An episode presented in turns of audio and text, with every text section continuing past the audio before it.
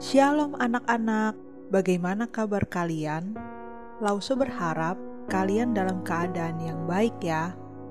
Renungan hari ini berjudul Tuhan menghibur dari Matius 5 ayat 4. Tuhan memakai kristal, teman Tina, untuk mengajarinya arti dari ayat ini. Tina sedang berbicara dengan Kristal di telepon suatu hari, dan dia berbohong kepada Kristal.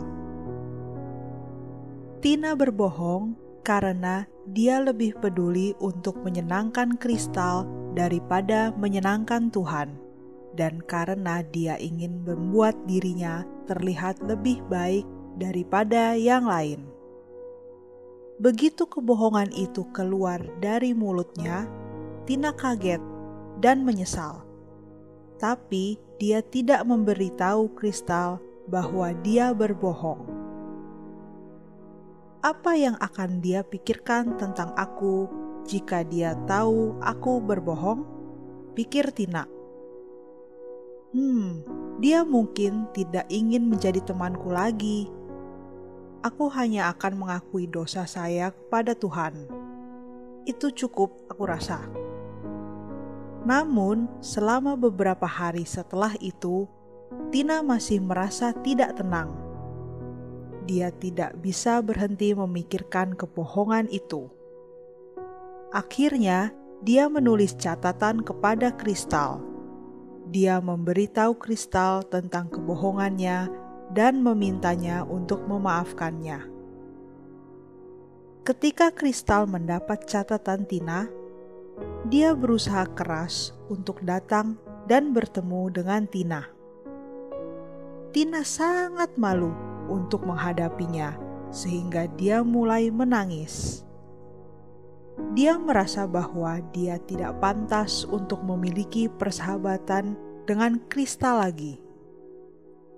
Tina tidak akan pernah melupakan apa yang dilakukan Kristal selanjutnya dia memeluk Tina dan mengatakan bahwa dia telah memaafkannya. Kemudian, dia mengulurkan tangan dan menyekah salah satu air mata Tina saat jatuh.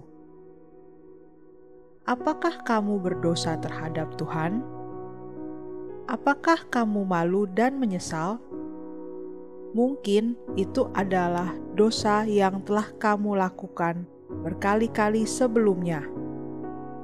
Mungkin kamu merasa tidak bisa menghadap Tuhan dan memohon pengampunannya lagi. Apa yang akan Tuhan pikirkan tentang kamu? Ketika kita datang kepada Tuhan dengan perasaan sedih dan patah hati karena dosa kita, respon Tuhan kepada kita sama seperti kristal kepada Tina, dan bahkan lebih indah karena dia adalah Tuhan.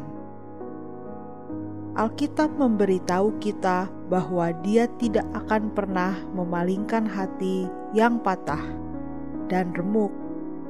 Dalam Mazmur 51 ayat 19. Dia akan mengampuni kita setiap kali kita datang.